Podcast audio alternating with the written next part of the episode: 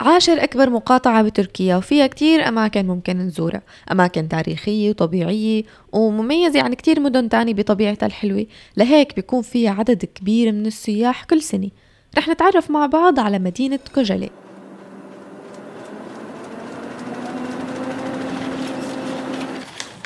عنب بلدي بودكاست.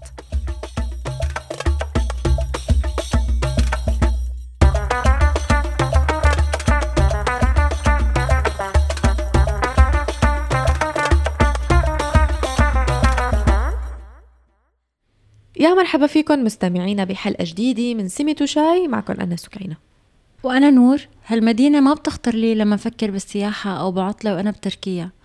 يعني ما بعرف ليش ما بتكون مطروحة بالقائمة وبالخيارات اللي بتكون متاحة يعني. هلا من اليوم وبعد هالحلقة رح تحطيها ضمن خياراتك أنا متأكدة لأنه هالمدينة كتير مناسبة للي ساكنين بإسطنبول لأنها قريبة كتير من, من المدينة من إسطنبول. ولهيك فيك تعتبري روح عليها هي مشوار عطلة آخر الأسبوع. يعني مشوار عطلة قصير. مو إنه والله بدها يومين وبدها ثلاثة أيام وأربعة أيام. يا ستي لنشوف أول شو ممكن نزور بهالمدينة بعدين بقرر بروح ولا لا. يلا.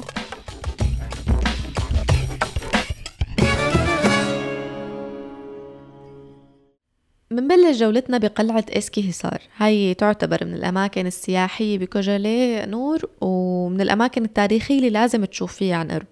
والقلعة اللي تعمرت على تل كتير منحدر آه، كتير هيك نازل مشان يضمنوا أمان المينا اللي قريب منها وهالقلعة آه، يعتقد يعني أنه تعمرت بالعصر البيزنطي. ما كتير واضح بالضبط تاريخ إنشاء آه، مية بالمية يعني بس هي انذكرت بالتاريخ بحرب صارت سنة ال 1241 يعني أكيد من قبل هيك معمرة معناتها بما أنه انذكرت بهاي الحرب. ففي علماء آثار قالوا أنه الحيطان من جوا آه، بترجع للقرن الثاني عشر. بس الحيطان اللي من برا بترجع للقرن الثالث عشر.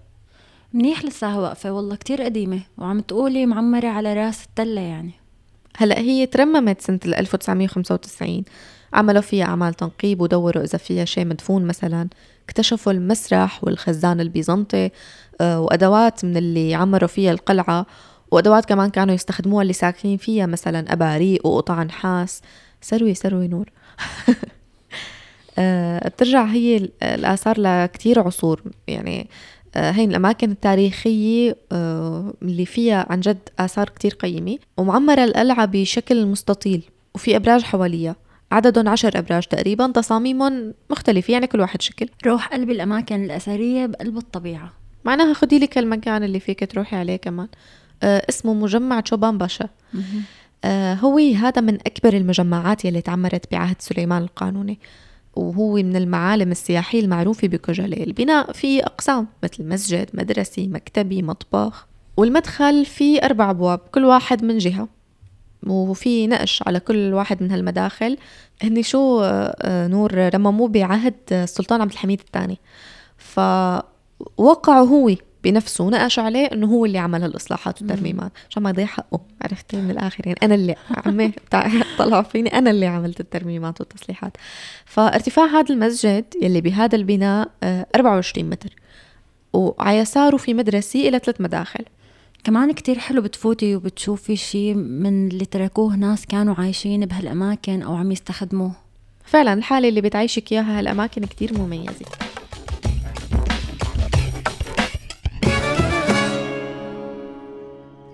مسجد يني جمعة. يعني الجمعة الجديدة. كمان هذا آه، تعمر على شكل مجمع اجتماعي. يعني مكان يتجمعوا فيه الناس يحكوا يمارسوا الأنشطة الدينية. كمان هذا يعتبر قديم كتير لأنه تعمر سنة 1579 هذا الشيء استنتجوه من النقوش اللي عليه. بقي المسجد مثل ما هو والنافورة آه، بالمجمع. كمان لقوا بالبناء بقايا لمدرسة وحمام. حمام قديم يعني. بس هالمدرسة ما عادت كتير مهمة احذري ليش؟ لأنه نور صار عليها آه، ترميم كتير صار في عمليات ترميم كتير خلال السنين اللي مضت عليها. فبس المسجد نفد لأنه مبني من نوع من أنواع الخشب القوي اللي ما بيتلف خلال الزمن. يا ريتني خشب قوي ما بيتلف خلال الزمن. أو ما بيحتاج لكل هالترميم. المسجد اللي قبته كبيرة ومميز كمان بهذا الشيء. معمر على ساحة مستطيلة والقبور يلي حوالي هالمسجد لهلا موجودة كمان ما صار عليها شيء. والله منيح اللي لسه موجودة ما صار فيها مثل المدرسة. لأنه والله العليم معمولة من رخام. يعني كمان صعب إنه تتلف بالعوامل الجوية وبالزمن.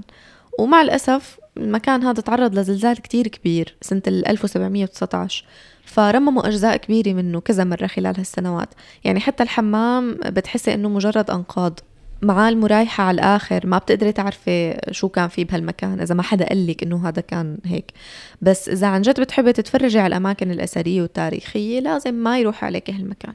أكيد إن شاء الله رح ضيفه للخيارات الجاية.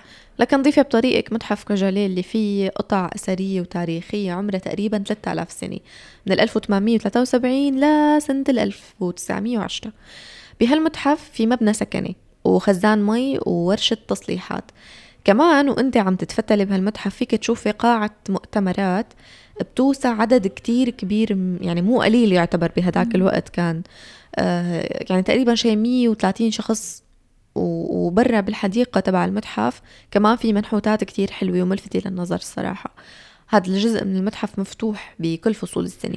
متحف خارجي اسمه يعني بالهواء بالهواء الطلق. هالمكان اللي لازم تضيفيه كمان الأماكن التاريخية اللي بدك تزوريها بكوجولي. وكمان قبل ما أنسى في تمثال هيراكليس هيراقل والتاج الذهبي وتمثال سقراط آه كمان المطاعم هنيك طبعا في مطاعم غير ديكور وديكور آه، كتير حلو اللي جوا. آه بس شوفي رح تقولي لي؟ شكرا صراحة نور. عن جد كتير حلو. ما فيني أوصف لك هلا ديكور بده بده إجباري تشوفيه كل سنة السياح الأجانب وحتى الإتراك آه من مدن تانية بيجوا بيتفرجوا على هالمتحف. يعني بيتفرجوا على صحون الأواعي اللي كانت فيه والأوعية حتى في في قطع مثلا اللي يحطوا فيها الأكل ويعملوا فيها الأكل اللي كانوا يستخدموها وكتير قطع تاني.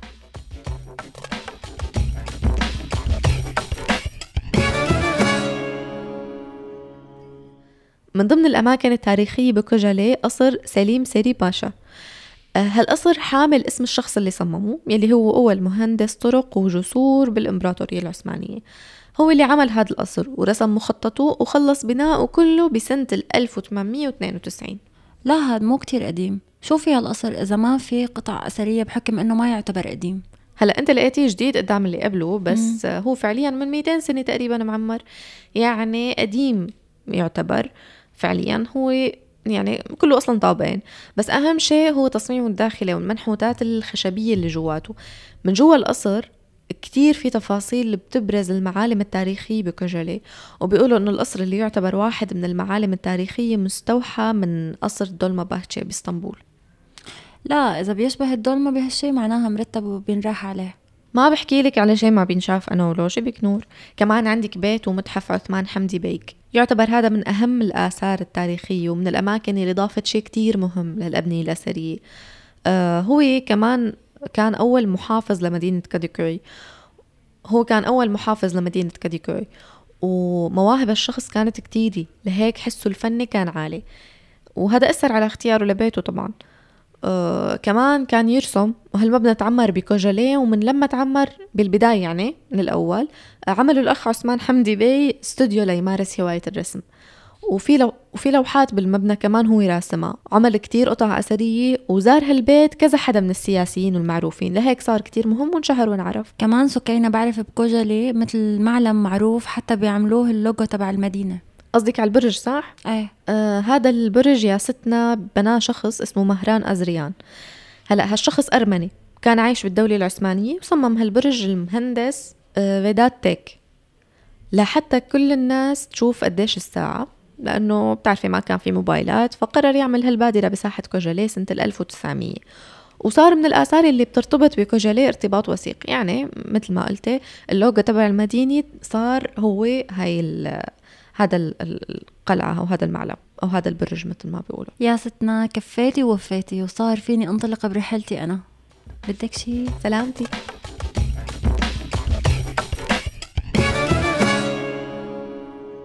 هون منكون وصلنا لنهاية حلقتنا. بتمنى تكونوا استفدتوا واستمتعتوا. وإذا عندكم أي أسئلة أو اقتراحات عن أي شيء بيتعلق بمدينة كوجالي فيكن تتركوا مقترحاتكم على صفحات عنب بلدي على فيسبوك انستغرام وتويتر فيكن تسمعوا كل حلقات سيميت وشاي على Apple Podcasts Google Podcasts SoundCloud Stitcher وأنغامي كنت معكم أنا سكينة وأنا نور من عنب بلدي بودكاست, بودكاست.